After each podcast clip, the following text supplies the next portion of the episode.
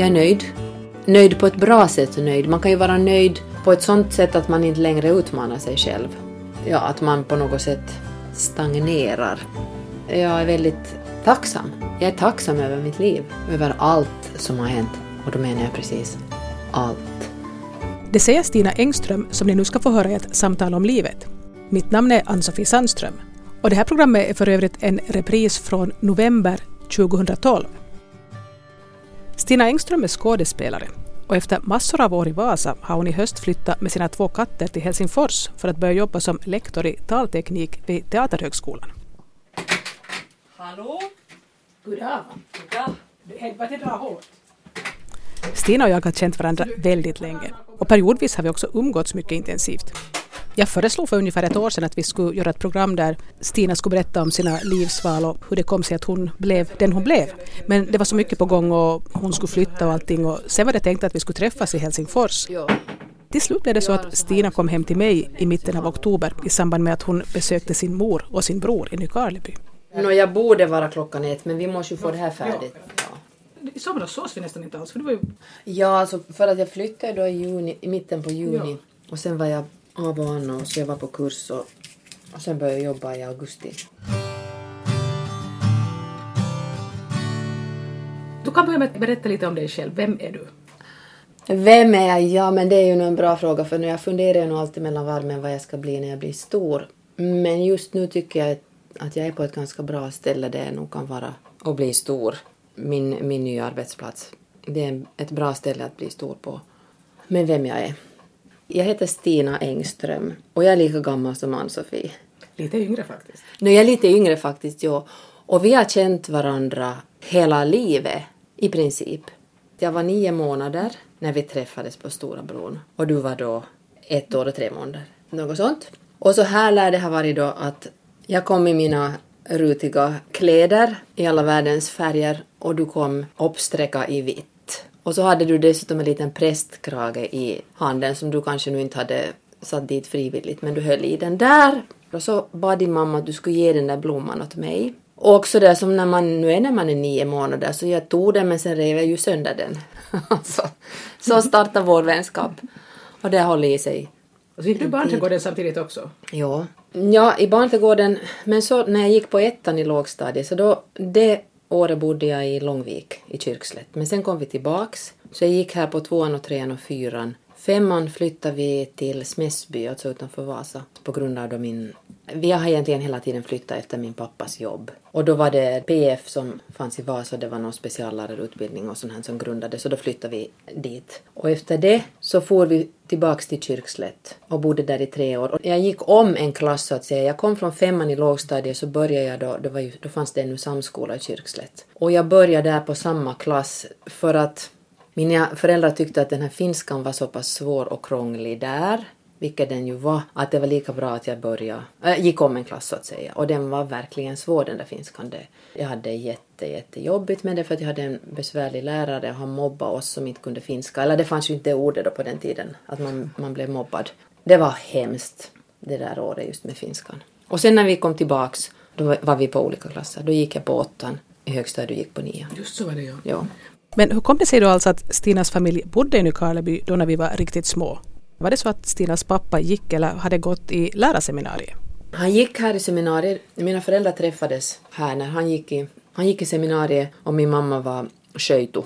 Och då träffades de här. Och sen blev de Hon var inte heller härifrån då? Hon är från Terjärv. Sen gick hon i skola i Vasa och sånt också. Och sen började hon jobba i Nykarleby.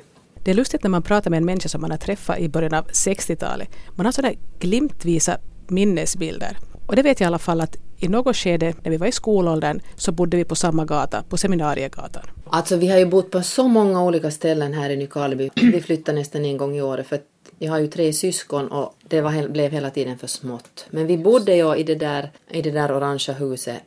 Då när jag gick på trean, skulle det ha varit när vi kom tillbaks från Kyrkslätt? För vi bodde där flera år. För jag kommer ihåg att då fick jag dessutom, då fick jag min första cykel. Det var ganska lugn och sansad stämning hos er fast ni var många barn. Och hos oss har vi ju den vanliga samtalstonen att man perklar och skriker Ja. åt varandra och Ja. sådär men du var inte van med sånt minns nej, nej, nej, nej, nej, nej. nej jag, jag hade en sansad far som hade långt, långt, långt tålamod och vi hade verkligen gjort någonting om han höjde rösten någon gång. Han behövde bara säga ett ord. Jag minns en gång när vi var då i det här vardagsrummet i den här gamla fina soffan och hoppa och samtidigt åt blåbär.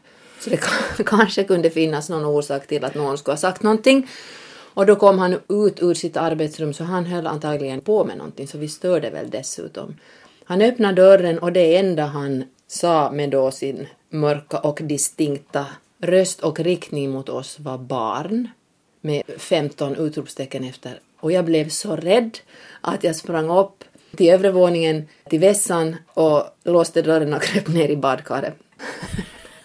Tydligen hade han ett annat sätt att sätta sig i respekt än vad mm. vanligt i där ja. jag växte upp. Ja, fast sen å andra sidan minns jag också en annan gång, och det där, det där gällde då inte mig, utan det där var min bror som ställde till med det.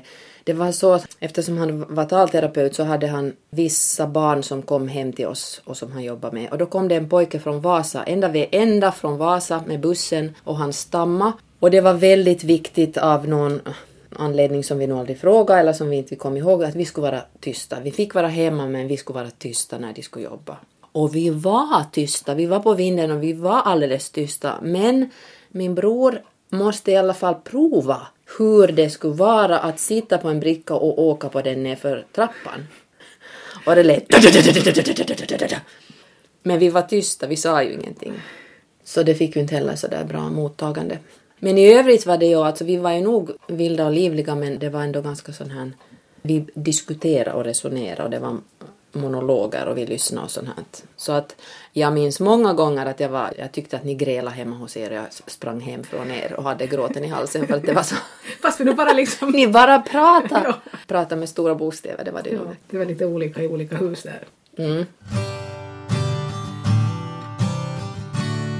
Stina Engström nämnde här att hennes familj flyttade många gånger i Nykarleby och de flyttade också bort emellan och flyttade tillbaka. Jag har flyttat hemskt få gånger i ja. mitt liv sådär egentligen. Men ni flyttade hemskt mycket. Hur påverkade det dig? Nej, jag vet inte. Alltså, jag skulle inte minnas att det skulle ha varit något jobbigt på det sättet med att, att byta skola och nya kompisar. Det var, det var egentligen ganska roligt. Annat än att de där åren, eller det där ena året med den här finska läraren, så det, det var fruktansvärt. Det var nog alldeles, alldeles, alldeles hemskt. Och min bästa kompis, alltså då var vi ju då 13, hon hade magsår år efteråt. Hon, var då, ja, hon blev 14. Fick magsår, magkatarr, något sånt följande år just på grund av att hon också stressade så för det här. Så att inte har jag upplevt att det har varit... Jag har haft mina fritidsintressen som på något sätt har fått mig då att hitta nya kontakter för av någon anledning så har jag liksom verkligen jobbat för att få göra de saker Vilka saker gjorde du då? Sjöng och spela. Jag spelade ju inte... Jag var inte med i något sånt här amatörteatersällskap och något sånt. Utan jag sjöng och spela. Så det var, det var det vad jag ville göra. Sen lär det ha varit så att, och det här har jag helt glömt eller förträngt, men jag tror inte att jag har något trauma av det. Sen när vi flyttade tillbaks hit så ville jag vara med i Jutbacka teater någon sommar. För det var ju roligt att de här människorna som Håkan Sträng var där och sådana, vem var det nu annan då som var med där? Och det var ju kul att, att vara med som statist som jag fick vara och jo, kolla, jag, jag kolla fick, in pojkarna. Jo, men jag fick ju inte ens vara med som statist för min pappa tyckte att om jag någon gång i världen söker in till Teaterhögskolan så ska jag inte ha någon maner. Att det är bättre att jag kommer som så att säga oskriven. Men hade du då ändå uttryckt någon önskan om att bli skådespelare eller hade du själv mm. fantiserat om att bli det? Jag vet inte i vilket skede det kom in en sån här stark röst i mitt huvud som sa en gång måste du söka in till Teaterhögskolan annars blir du olycklig. Jag skulle tro att det var i högstadiet som den, började säga så. Kanske lite tidigare, där i tonåren. Och det där att du hörde röster i huvudet, du blev inte rädd och gick och sökte? Liksom Nej, för det var bara, det var liksom en, en enda röst och det var bara en mening. Men jag... Okej, okay, det var inga värre budskap än? Nej, en gång ska du söka in till Teaterhögskolan, annars blir du olycklig. Punkt. Min pappa höll jobbade då på Teaterhögskolan så att det var ju en jättespännande värld då var det här hans, de här studerandena så de var på skären på sommarstugan och jag träffade dem, de kom och hälsade på och sådär. Så att jag hade ju fått en inblick i den där världen trots att jag då inte själv hade spelat något amatörteater. Annat än varit någon tomte på någon julfest och, och sånt här. Att, något sånt hade jag ju gjort. Men jag fick ju inte ens vara Lucia för jag hade ju fel färg på håret och fel färg på ögonen men jag var nu tomte åtminstone. No, ja, ja, men jag kan ju trösta dig med att inte fick jag heller efter barnträdgården. Där var jag sista gången Lucia. Min bror fick vara Lucia i gymnasiet. För han hade dels varit längst hår och var längst och stiligast. Alltså nu är det ju, ja, Ja, det- ja, det- du nu, nu är det ju det fruktansvärt. Ja, jag förstår, jag förstår. Alltså, jag förstår egentligen det här att numera går ju alla som vill omkring med Lucia-kronor på Lucia. Då, då får alla vara Lucior. Ja, nu för tiden är det så på dagis och det tycker jag är jättefint. Hela högen får prova på det Ja. där. För, just för att det bara är någon som får vara så blir det sådär Ja. fånigt att jaha, jag fick inte Nej, precis det. Alla ska få vara Lucia. Om man vill. Vi höll på att prata om det här med Stina Engströms intresse för teater. Eh, jo, alltså så jag hade varit inne i den där världen på det sättet sett och tyckt att den var jätte, jättespännande. Men vid det laget hade nog min pappa sagt åt mig att bli inte skådis. Jaha, Ja, han tyckte nog det att det, nej, ja, det är nog... att det är en tung värld. Ja, det är en tung värld. Min mamma sa bli inte sjuksköterska. Okej. Så de gav liksom sådana negativa besked att det ska du inte bli. Men Det ska du inte bli. förväntning på Eller- vad du borde ha blivit? Nej, nej det hade jag inte. Men jag, det som jag var, jag var otroligt intresserad av, det svenska språket och jag var också intresserad av logopedi. Ja, det var ju det fina namnet för vad din pappa höll på med. Ja. Men han kallades ju sen då av sina, av de här barnen som han jobbade med så kallades han då till R-gubbin. ja, så han var R-gubbin. Men nu kallar han också Östen med rösten. Ja. Något tag var han väl typ den enda som var på svenska om jag kommer ihåg rätt. Att det, att, att det fanns, och det finns fortfarande både på finska och svenska finns det brist på de här logopederna. Frågade honom någon gång varför han valde just det yrket? Är lite, lite nyfiken. Nej, det har jag aldrig frågat. Men det vet jag att innan han började med sin lärarutbildning så jobbade han på Lillan som skådis. Alltså han hade ju inte gått någon utbildning utan han jobbade där. Och Viveka Bandler var chef och så sa han att, att han ska utbilda sig till lärare, folkskollärare här i Nykarleby. Och hon sa ja, ja, far iväg då men jag ringer åt dig sen när du är klar att du ska komma tillbaks hit. Och hon ringde åt honom och sa nå, ska du komma? Men då hade han redan träffat min mamma eller vår mamma så då, då blev han där. Så att han har ju haft på det sättet ett intresse för det här med, med rösten och talet. Säkert via det. Varifrån är han hemma alltså? Var var han hemma? Från Kyrkslätt. Han var hemma på mm. Just det, det var det på det sättet ja. Ja. Mm. Så därför talar ni inte heller dialekt hemma hos er? Ni talar ju faktiskt högsvenska hemma hos er. Standardsvenska. Nå ja, standard. Standardsvenska. Ja. Och Hatim var högsvensk. Ja, det var så. Högsvensk och lågsvensk. Nej, dialekt och högsvensk. Nå, dialekt, ja. Men om det finns högsvenska måste det finnas lågsvenska och det Egentligen, finns ja. det inte. På den tiden ansågs det nog lite så. Mm.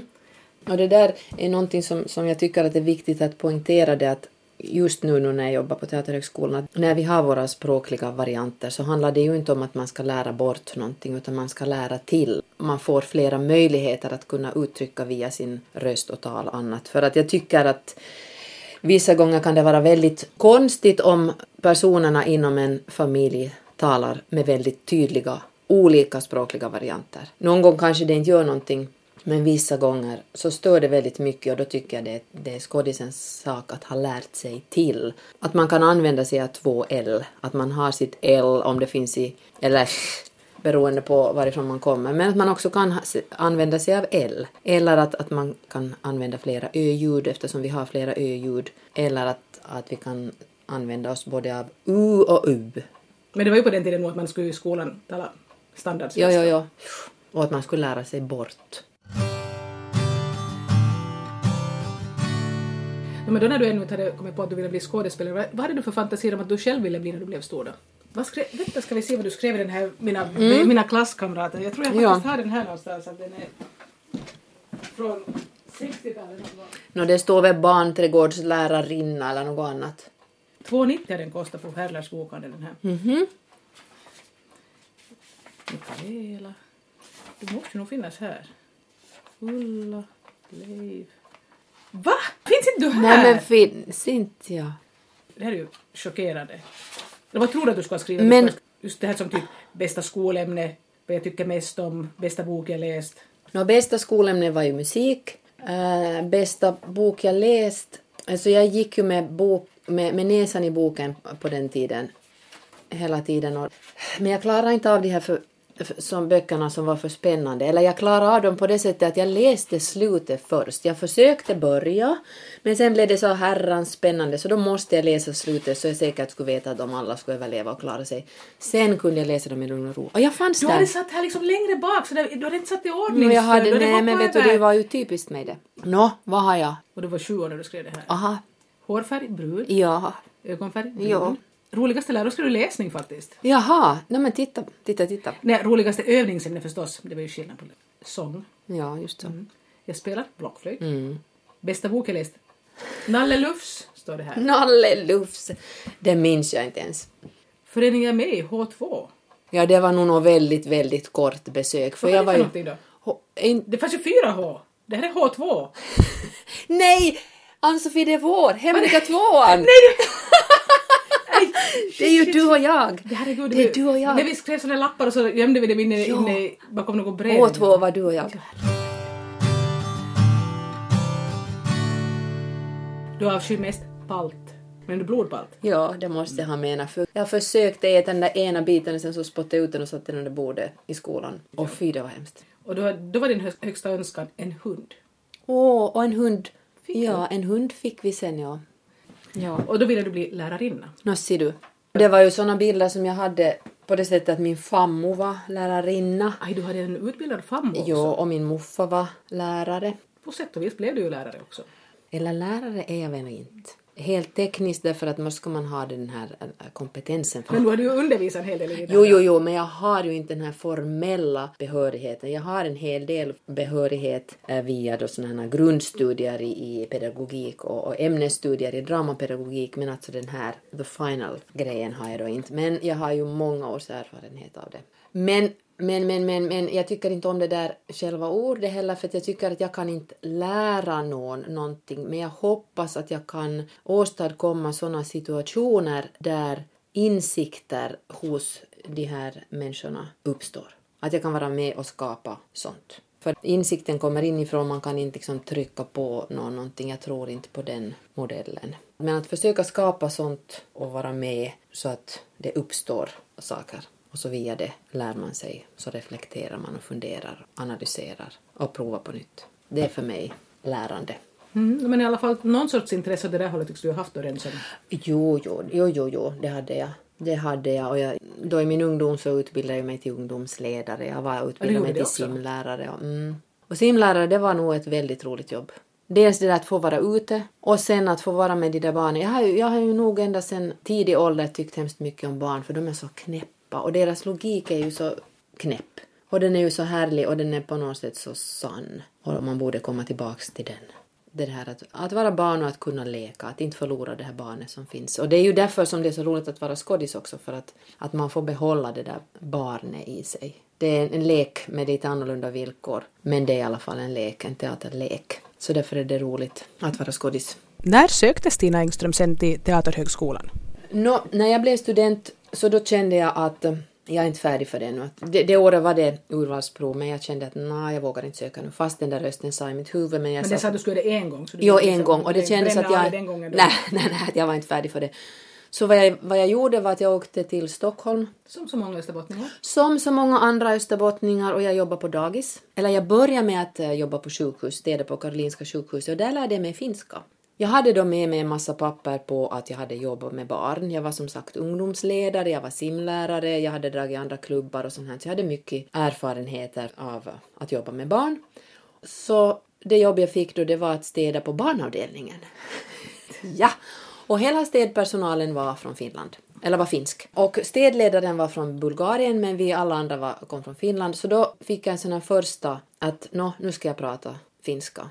Det fanns ju i mitt huvud men ingen pratade ju finska i Nykarleby så jag hade ju aldrig Nej, och undervisningen gick inte till på det sättet att man skulle ha pratat på Nej, verkligen inte. Nå, jag tröttnade på det där städjobbet och sen så fick jag jobb på dagis. Och då jobbade jag på ett stort dagis som hade flera avdelningar. Och där jobbade jag ganska mycket på finska avdelningen. Och då pratade jag ju finska hela tiden med de här barnen och då var det ju inte alls något svårt. För de förstod ju allt vad jag sa. Och det ingen brydde sig om jag sa rätt eller fel. Så, så där lärde jag mig finska, att tala finska. Jag, jag kan väl inte säga att jag lärde mig finska, men jag lärde mig tala Ja, ja, men det finska. var ju det som man inte hade. Nej. Och efter det, då var det inte heller urvalsprov, jag hade det ju nog i huvudet men det var ju bara vartannat år. Ja. Så då sökte jag istället till nordiska språk och litteratur och studerade ett år och trivdes fruktansvärt bra på Och Uni i Helsingfors? Hels- Helsingfors. Alltså ett år i Stockholm och sen ett år i Helsingfors. Och jag trivdes väldigt bra där, jag tyckte att det var roligt. Och då var jag redan så där att i grundstudierna ingick det en kurs i logopedi och jag tyckte att det var väldigt intressant och jag funderade så att ja, skulle jag nu byta inriktning, att är det ändå logoped jag ska bli? Och så kom det det här urvalsprovet till Teaterhögskolan och när jag var där under de där dagarna så då, då var det bara så att men det är det här jag vill. Och kanske sen på grund av att jag ändå hade, att jag, jag var inte sådär krampaktigt hysterisk som ju många blir det för att det här, det här är det jag vill, annars dör jag. Att jag hade ju inte utan eftersom jag trivdes så bra vid uni och jag trivdes med mina studier och, och universitetet och med mina kompisar och de här lärarna. Så att jag, jag behövde inte på det sättet vara sådär hysteriskt nervös utan jag kunde vara mera målmedvetet Ja, att funkar nervös. det inte här så har jag i alla fall någonting Ja, jag dör intressant inte. jag kan fortsätta. Ja, jag dör inte. Men jag vill det här. Och så kom jag in. Så på den vägen är det. Så kanske jag skulle ha blivit olycklig då. Jag vet inte. Du trivdes med studien när du väl kom in då? Mm. Men det var ju nog en, en otrolig sån här inombordsrevolution med allting, allt nytt. Och det var ju så roligt och det var så intressant och det var så spännande och det var så omvälvande. Och, och jag gjorde ju allt som man, alltså man gjorde allt. Jag, jag, I princip var jag varje kväll, måndag, tisdag, onsdag, torsdag. Fredag då var det ankuri. Men med de andra veckodagarna så var det alltså bio, teater, opera eller eh, ballett. I princip varje kväll på någonting så satt jag där framåtlutad och bara sög i mig allt. Oftast väldigt okritiskt för jag tyckte det var bara så fantastiskt att vara inne i den där världen. Under några år på 80-talet när Stina Engström studerade vid Teaterhögskolan och jag själv studerade vid Helsingfors universitet så hade vi en av våra mera intensiva umgängesperioder. Det var något år som vi satt på alla kaféer som bara fanns och vi visste precis vilka som var det bästa kaffe. Och var de här största kanelbullarna fanns. Ja. Mest var det ju söndagarna, alltså söndag så gick vi runt på alla kaféer och bara pratade och pratade och pratade och pratade. Men sen i mitten av 80-talet blev Stina Engström klar med sina studier och hon flytta bort från Helsingfors. Var det så att hon flyttade till Vasa redan då? Ja, för jag tänkte då att jag vill jobba på en regionteater för att jag vill inte, jag, jag upplevde sådär att man lätt hamnar i ett fack på de här andra teatrarna då det fanns ju inte så många på teater på den tiden men jag ville inte hamna i ett fack utan jag ville ut till en teater där jag skulle kunna få göra alla möjliga sorts jobb. Så det var Åbo eller Vasa som var de där alternativen för mig. Och så fick jag jobb i Vasa. Jag fick jobb och bostad och Romeo och Julia. Vad mer kan man önska sig liksom? Inte så mycket annat. Det var alldeles fantastiskt att direkt från Teaterhögskolan få komma och veta att det här är mitt första jobb. Julia, Romeo och Julia, bostad. Allt. Allt löser sig på en gång liksom. Allt löste sig på en gång. Det var helt otroligt. Och så åkte jag till Verona. Jag bokade en resa åt mig till Italien, till någonstans där på kusten, en vecka och så hade jag med mig Romeo och Julia. Jag hade väl också några andra Shakespeare-böcker. Och så låg jag där på stranden och läste de här pjäserna och så tog jag mig, får jag då en dag med tåg till Verona och gick omkring där. Och sen, sen gick jag upp till det där huset då där, där då Julia då bodde och så såg jag till att jag kom ut på balkongen då när ingen annan var där. Och jag hittade en sån här glipa att jag fick stiga ut på den där balkongen helt ensam. Och det var ju alldeles underbart. Och sen gick jag dit och till hennes, det där stället där hon då, då låg, Lidö parad. Fast hon ju då levde. Och sen var det ju så sorgligt. Hade hon funnits på riktigt egentligen? Jag vet inte, det, det sägs ju att hon Ja, fann att, ja. ja. Men vad som är, vad som är sant och vad som inte är sant. Men, men det du, sägs ju att du det där var... förberedde dig ganska mycket för din första roll liksom. Där. Jag för, jo, fast jag, har jag brukar nog göra det. Men inte det är ju så att jag åker varje gång någonstans. Men jag brukar nog faktiskt förbereda mig ordentligt på olika sätt. Men det där måste jag måste få åka dit och det var ju nog, det var nog häftigt. När du då for till Vasa, var du då inställd på att det skulle vara bara några år, du skulle stanna där bara för att få lite erfarenhet, eller var du tänkt att nu, det här liksom är mitt öde? Nej, jag hade nog absolut inte tänkt att det här är mitt öde. Det hade jag nog inte tänkt. För att jag, jag är jättedålig på att planera så där väldigt långt för framtiden. Nu har jag blivit lite bättre att jag kan tänka sådär på grund av praktiska orsaker när det till exempel gäller ledigheter, att jag vill ordna någonting med, med barnen. Att vi ska göra någonting tillsammans och då behöver man av praktiska omständigheter vara ute i god tid. Men jag är nog jättedålig på att tänka sådär den här manliga sidan då att tänka som framåt och planera och den är min karriär och sådär. Så du for nu till Vasa och så... Jag for till Vasa För ja. att se vad som hände. För att se vad som hände ja. Och vad hände? Nå, det som hände var ju då som sagt mycket jobb och sen så träffade jag mannen som blev far till mina barn. Och eh, barnen gjorde sen också, andra omständigheter gjorde att, att jag blev i Vasa. Jag hade möjlighet att byta språk sen, att jag jobbade, att jag jobbade också på finska, hör och häpna. Jag vet att ännu för 15 och ett halvt år sedan så bodde Stina Engström tillsammans med den man som är far till hennes barn. Och orsaken till att jag vet det är att jag själv tog ett par kattungar från dem vid den tiden. Men någon gång ganska snart efter det så separerade de och Stina inledde ett annat långt förhållande och stannade kvar i Vasa. Där i början på 2000-talet, var det 2001 kanske, så då började jag jobba på Novi, eller då hette det SYH. Jag hade, jag hade under alla de här åren sedan jag kom till Vasa Ja, inte, inte där direkt. Eh, I början av 90-talet så hade jag börjat hålla kurser i muntlig kommunikation på PF inom Åbo Akademi. Och jag höll också kurser där på, på SYH. Men sen 2001 tror jag det var, då fick jag anställning där. Så då började jag jobba där på heltid. Så jag var sju år på det som sen blev Novia. Och då var du inte alls skådespelare under den tiden? Uh, jag var där i slutet. I slutet så var jag så att jag gjorde en produktion i Åre de här sista åren. På Vasateater? På Vasateater, mm. ja. Innan jag sen bytte tillbaks till mitt hantverk, så att mm. säga. Då för här för ett par år sedan, då så, är det ett par år sedan? Var det då som du separerade andra gången? Uh, vänta nu. Ett och ett halvt år sedan? Ja, nästan, ja. Så då tog ditt liv en annan vändning igen? Ja, helt och hållet. Först så gick det i tusen bitar och sen så har jag plockat ihop det. Och det var ju nog, jag är nog väldigt, väldigt tacksam över att, att mitt jobb på Teaterhögskolan började först nu i augusti att inte båda sakerna hände samtidigt för att jag hade, det skulle inte ha varit bra för mig och det skulle inte ha varit bra för min arbetsplats om jag skulle ha kommit, kommit liksom från den situationen till, till allt nytt. Utan nu kunde jag liksom finnas kvar i Vasa, finnas med mina arbetskamrater på min arbetsplats och göra ett arbete som jag på det sättet kände till. Jag hade mycket, mycket, mycket intressanta roller. Fast jag tycker nog alltid, det är ju aldrig något tråkigt.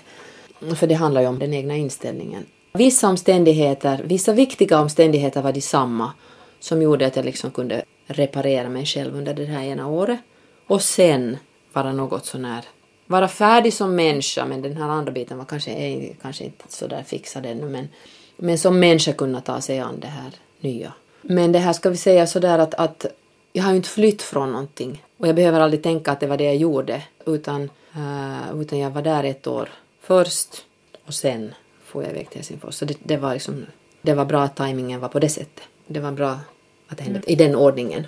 Men hur känns det då att, bli, att försöka ordna sitt liv på nytt som ny singel när man då är över 50? För jag menar det är ju en sak när man är då kring 2030 och liksom det, vi hade ju alla på den tiden kortare och längre förhållanden mm. som tog slut och så var man mellanförhållanden och så hade man något nytt råd och så var det något längre. Men att det var ju ganska långt det här ditt senare förhållande. Var det... Jo, och egentligen så kan man, kan man väl se det så där att, att för att det, det var från det ena till det andra. Det var inte en längre period mellan där alltså? Nej, inte på det sättet, nej. Och dessutom fanns ju barnen med hela tiden. Så hur gamla var de när du separerade från deras far? Uh, de var sju och nio. De var så pass små? Ja, mm. ja, de var det. Så att egentligen så handlar det om en betydligt längre, längre tid. Mm. Egentligen så handlar det om 20, vad blir det nu då? 25-26 år. 25 år. Alltså att, att, att, att ha leva, ja. precis att ha leva i som i en tvåsamhet ja. och sen då dessutom med, med barn och sen plötsligt att leva helt ensam med bara med två katter.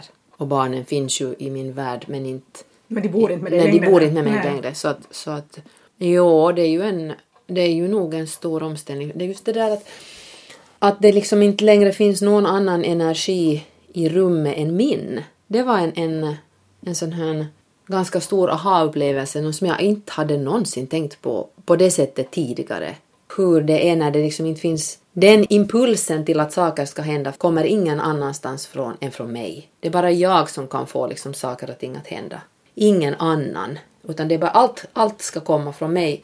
No, det är ju klart att om någon, någon ringer eller något sånt, men, men liksom det där i den här vardagliga situationen hemma inom, inom de här väggarna så kommer ju allting från mig. Mm. Så det var, det var en, en intressant insikt. Så när, när du senast bott då ensam före det här, alltså det var när du bodde i Helsingfors? Nej, men du bodde nog i Vasa ensam också förrän du började... Jo, jag bodde, jo, det gjorde jag. Det gjorde jag. Jag hade ju sådana pojkvänner men jag bodde inte med någon den där första, den där första tiden. Mm. Så vi talar ju då 86. Jaha.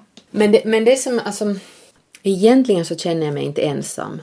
Att jag kan tycka att det kan vara jättetråkigt och jag kan ha trist och jag kan ha lejdon och sånt här. Men jag känner mig inte ensam därför att jag har mina barn. Också fast de inte konkret närvarande. Ens i samma land. Ens i samma land, ja. Men det är ju bara, jag menar, det är ju bara att skypa.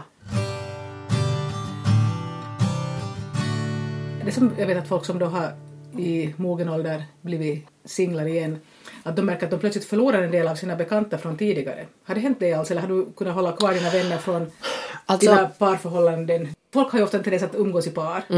Och sen brukar det bli att någon måste, att man måste välja, man, Man kan måste- inte ja. tänka sig att umgås med båda utan det blir att "Nej, men vi tar Ja, ja, hans ja, parti ja. eller hennes parti. Sånt händer ju. Nu har, har de flesta vänner på något sätt kommit med mig, om man nu kan nu säga på det sättet. Eller, eller nej, jag vill hellre, hellre berätta det här. När barnen var små, i något tidigt skede så började vi umgås fyra familjer. Det blev så att plötsligt så blev vi fyra familjer som umgicks. Och då var Barn det... ungefär samma åldrar kanske? Äh, ja, med barn samma, ja, med barn i samma åldrar. Vissa var, så fanns det dessutom yngre och det fanns det äldre. Men det blev så att plötsligt så blev det, började det utkristalliseras att på nyårsafton så umgicks vi. Och då var vi då åtta vuxna och, eh, nu måste jag räkna efter, två, fyra, sju, elva var det väl. Det var väl elva barn i början.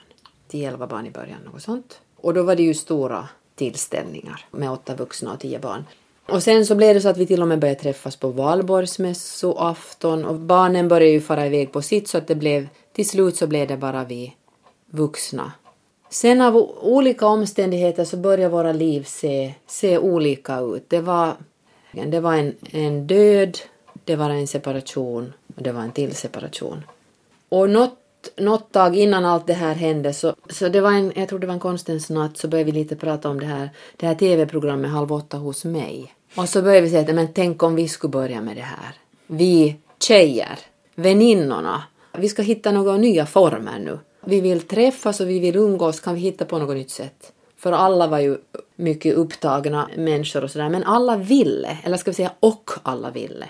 Det hette då Halv åtta hos mig klockan sju. Och då och målet var det att det får inte kosta någonting. Det ska vara så billigt. Det ska vara en trerätters middag. Så billigt som Så möjligt. billigt som möjligt. Eh, Och vi, vi umgicks och vi pratade och vi skrattade och vi grät. Och de här samtalen som vi har haft har varit otroligt givande. Och jag tror att vi alla vill hålla fast i det här att också fast jag nu flyttar och de andra finns i Vasa så är det nu här nu nästa fredag så kommer vi att träffas på nytt och vi har redan träffats en gång här. Så att fast jag har flyttat så har vi, så vi håller kvar vid det här för att vi vill det.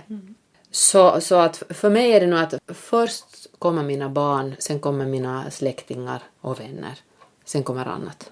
Alltså då pratar jag nu inte om arbetet utan jag pratar sånt liksom som om det som har med, som- sånt som har med fritid att ja. göra, ja. Mina väninnor går före alla män. Det där låter på något vis hemskt 1986 på något vis. Jag vet inte, hade vi inte en sån där klubb då också? Mycket möjligt, men ja, vet du, det är väl Vi har tillbaka. många sorts klubbar. Ja, Jag tror vi gick omkring och sa då att pojkvänner kommer och går, flickvänner består. Ja, och i det här nu måste jag ju säga att flickvänner och vänner, jag har ju många andra vänner som inte nödvändigtvis behöver vara flickor, utan vänner Mm. överhuvudtaget. Jo, jo. Men det här är... Men den här, den här, klubben, det- det- den här det- det är klubben är klubben, viktig och den här klubben är viktig. Och gamla vänner, men vi har känt varandra Mm. i över 50 år. Men det har också varit jättemånga år som vi inte alls har haft någon Mm. kontakt. Ju för att livet har varit sånt antagligen att du har hållit på med ditt och jag håller på med mitt och jag har inte liksom vetat riktigt vad... Men det du gör ingenting. Nej, det, det är inte så farligt när man har känt varandra sedan 1959. Ja. Eller 1960. Nåja, ja. Mm. okej. Men i alla fall, att det, det, sen är det andra som man har träffat senare som det kan gå några år och sen har man helt tappat bort dem. ja. Det tänkte jag ännu att, att de andra som ju också är, är viktiga i, i mitt liv, så det är ju mina syskon. Och det kan ju Du hända har att tre stycken faktiskt. Så att Ja, och det kan ju hända att, att i och med att vi har flyttat så mycket så har det på något sätt skapat någonting, en annan sorts kontakt eftersom vi har varit i, i så många, många situationer har vi alla haft samma utgångsläge. Vi är på ett nytt ställe, ingen känner någon, vi har bara varandra. Trots att det ju då är, är, nåja, det är ungefär två år mellan oss alla. Men att många gånger har vi så att säga alla hamnat i den där situationen. Nu är vi på något nytt kanske mera ställe. bundna vid varandra. Ja, för att det, det, är mycket möjligt. Mm, jo, Det- det, det, tror jag det har hört av andra också som har haft en sån barndom att de har flyttat omkring. Så de har blivit mera bundna vid sina syskon för att det är det enda som har varit konstant. Ja, sen har vi ju haft alltså den här vår sommarstuga där vi alltid tillbringar somrarna som barn. Alltså vi åkte ju ingenstans. Antagligen berodde det delvis ekonomiska omständigheter som gjorde att inte hade vi råd att åka någonstans utan vi var nu på skärren. Och sen det också att vi, vi ville vara där. Vi hade vattnet några meter från, från huset. Vi levde ju i vattnet. Och vår pappa eldade bastu så att vi ibland nu skulle gå och värma oss. Men principen var den att när, vi, när det hade varit skolavslutning, vi flyttade ut till skären så sprang vi före och mamma kom efter oss och skrek att det är inte varmt i vattnet ännu bara för att det är sommarlov. Och så plockade hon upp kläderna och när hon kom ner till stranden så var vi ju där och hoppade. Tills vi då skulle flytta upp från skären. Så det var ju också en sån här punkt som gjorde att vi, att vi under den där tiden väldigt mycket umgicks med varandra. Mm. Så barn, syskon och vänner. Men nu flyttade du tillbaka till Helsingfors då, tillbaka, för det var där du studerade alltså. Mm. Du hann bo där fem, sex år? Fem, fem år bodde jag. Ja. Och nu är du tillbaka där då? Mm. Det slog mig här om, om dagen när jag satt i, av någon outgrundlig anledning satt i bussen, för jag pedar. Jag satt i bussen och åkte in till centrum och så kom det någon mamma med, med barnvagn och tjofaderittan och jag tänkte vad skönt. Dels att mina barn har fått växa upp i Vasa men det att jag har fått vara mamma i Vasa och inte behöva ha det här otroliga logistiken att köra sina barn hit och dit och det räcker evigheter att kuska dem till det ena fritidsintresset efter det andra. När man i Vasa väldigt långt kunde skicka iväg dem med sina cyklar eller att man samkörde med någon och det tog tre minuter att komma från en plats till en annan. Att allting var så lätt och det tog ingen tid. Så du menar det var, bra, det var ett bra ställe att vara mamma på? Det var ett bra ställe att vara mamma på, det var ett bra ställe att vara barn på. Och nu är jag på ett jättebra ställe. Att vara Som- vuxen på? Att vara vuxen. vara barn. Eh, jag kan ju inte säga att jag är barnlös, för det är ju verkligen inte. Men, att, Men de är ju vuxna. men de är vuxna, ja. Min äldre son är 24 och den yngre är 22. Så det är ju nog fullvuxna. Känns det som en helt annan stad eller känns det på något sätt halvbekant i alla fall efter alla år i Vasa? Eh, det känns väldigt bekant. Nå, dels för att jag ju har min, eh, min syster där och det är ju så roligt att, att inte behöva säga att hör du ett, om fyra veckor så då kommer jag på det där mötet och det börjar klockan tre, tåget kommer klockan ett så vi hinner träffas mellan ett och tre. För så har det varit när jag har varit i Vasa och, och andra gånger när jag har kunnat komma. Men nu kan jag säga att hör du, ska vi gå på kaffe imorgon? Och det är ju helt otroligt roligt. Eller att vi går på teater tillsammans eller sådär. Så det, det, det tycker jag är jätteroligt. Det jobb du har nu då, så är det ungefär något sånt som också din pappa gjorde i tiderna? Det är samma jobb. Jag är lektor i röst och tal. Det är väldigt, väldigt intressant jobb. Det utmanar mig hela tiden, dagligen. Och det, det sätter ofta mina egna tankar om, om det här med rösten, med talet, scenspråket, impulser, all, som hela det här skådespelararbetet, det, det sätter liksom... Jag måste tänka väldigt mycket och det är ju bra. Tänka och ifrågasätta mig själv och vad tycker jag egentligen på riktigt och vad är sådana här gamla, gamla spår att ifrågasätta det och fundera på de här sakerna, fundera på det hantverk som man har på något sätt skapat sig under alla de här åren. Så det är nog, jag är nog väldigt glad över det här jobbet. Och sen så trivs jag hemskt bra med unga människor därför att för det mesta så är ju inte unga människor cyniska. Om det kommer något litet spår av cynism så är det bara ett spår av cynism. Och, och cynism är någonting som jag, jag vet jag är jätterädd för det. Jag vill inte bli cynisk.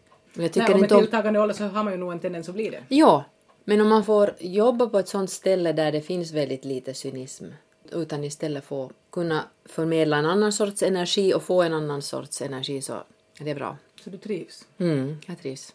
Men jag brukar trivas, jag är en sån, där, en sån där som trivs lätt, kanske nu för att, jag vet inte, kanske det har att göra med det att vi har flyttat ganska mycket och sånt här. Att, eller att jag kanske har en sån inställning sådär till saker. Att jag försöker se, för mig är ett, ett glas inte halvtomt utan det är halvfullt. Och nu kom det en katt i famnen. Hej! Tänk att den där var liten när han bodde hos dig. Ja, Nu är han så gammal kiss. mm, gammal gubbe. Men han är hemskt gullaträng nog. Han tycker om att liksom... Ja.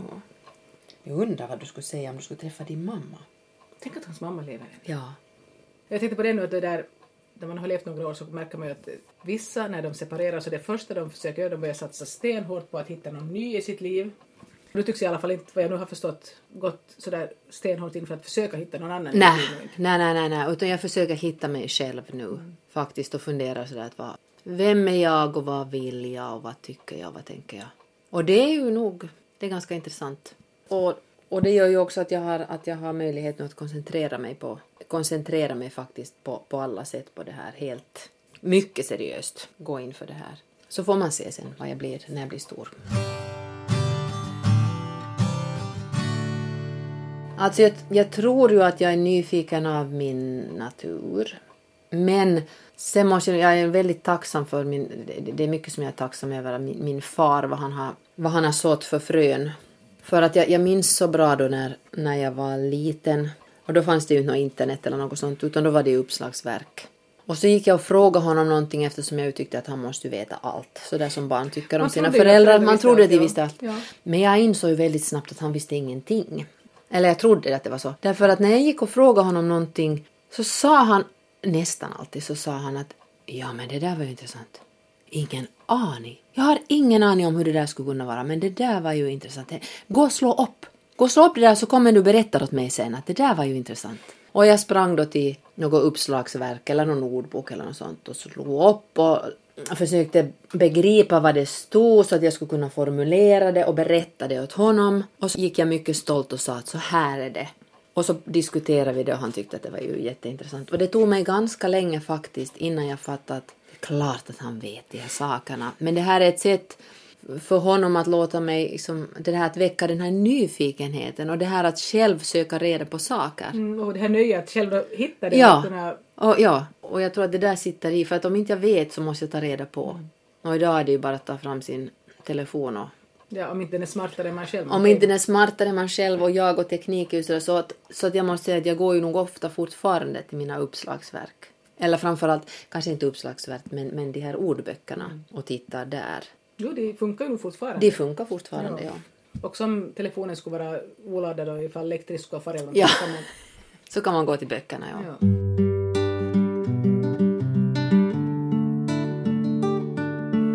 Ja, jag lovar ju släppa iväg det här liksom. Mm. Så du skulle få vara faster. Faster och gudmor. Det var det. Någonting du skulle vilja tillägga om hur ditt liv är just nu? Hur du ser på framtiden eller vad du Ja, liksom- som jag sa så där så är jag ju som dålig, jag är jättedålig på att planera framåt eller titta framåt. Att jag, jag, jag försöker att vara här och nu och det är ju ibland jätte, jättesvårt för att man tänker på sånt som har varit eller man tänker, man fantiserar om någonting. Men sådär att konkret se framåt. Men alltså om jag ska säga någonting så jag säger att det är bra, ett sånt ord som jag skulle vilja använda. Jag är nöjd. Nöjd på ett bra sätt nöjd. Man kan ju vara nöjd på ett sånt sätt att man inte längre utmanar sig själv. Att då, eh, ja, att man på något sätt stagnerar. Men det är inte den sortens nöjd. Liknöjd. Liknöjd. Liknöjd. lik. Det är du inte. Nej, utan ska säga att jag, jag, är, jag är väldigt tacksam. Jag är tacksam över mitt liv. Över allt som har hänt. Och då menar jag precis allt.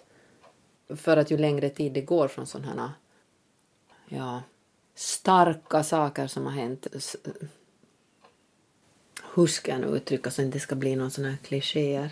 Jag har haft ett väldigt, väldigt, eller jag har haft, det låter som jag ska hålla på att dö.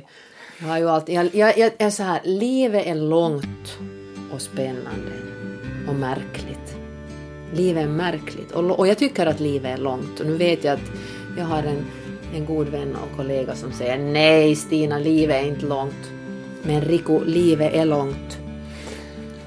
Livet är långt och märkligt, det tycker jag.